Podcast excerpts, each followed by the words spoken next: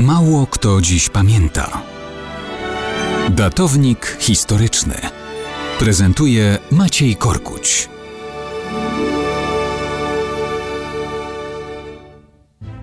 Mało kto dziś pamięta, że 21 lutego 1848 roku, a więc równiutkie 170 lat temu, Karol Marx i Fryderyk Engels ogłosili w Londynie manifest komunistyczny.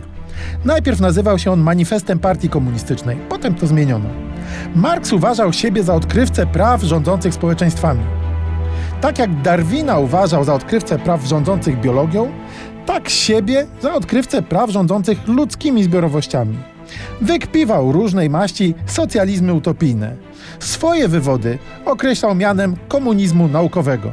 Dlaczego naukowego? Otóż Marx nie twierdził, że wymyślił nową koncepcję, jak naprawić świat. On twierdził, że odkrył prawidłowość przemian świata, która, czy to się komuś podoba, czy nie, i tak doprowadzi do komunizmu. Ten ustrój miał być nieuchronny.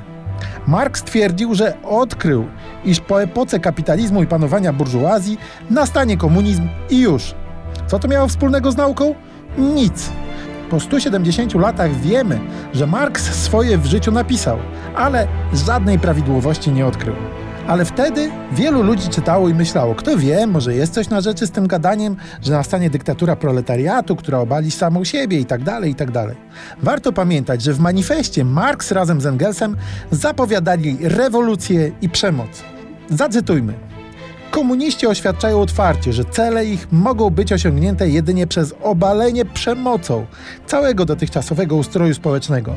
Niechaj drżą panujące klasy przed rewolucją komunistyczną. I to się akurat spełniło. Były rewolucje, była totalitarna przemoc, były dyktatury komunistyczne, zbrodnie i morze przelanej krwi.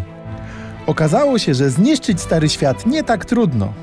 Ale tylko pod tym względem spełniły się marksowskie proroctwa. Tylko tyle i aż tyle. Tym bardziej powiedzmy sobie szczerze, z nauką komunizm Marksa miał tyle wspólnego, co każda inna utopijna ideologia naprawiaczy świata niosących śmierć i zniszczenie.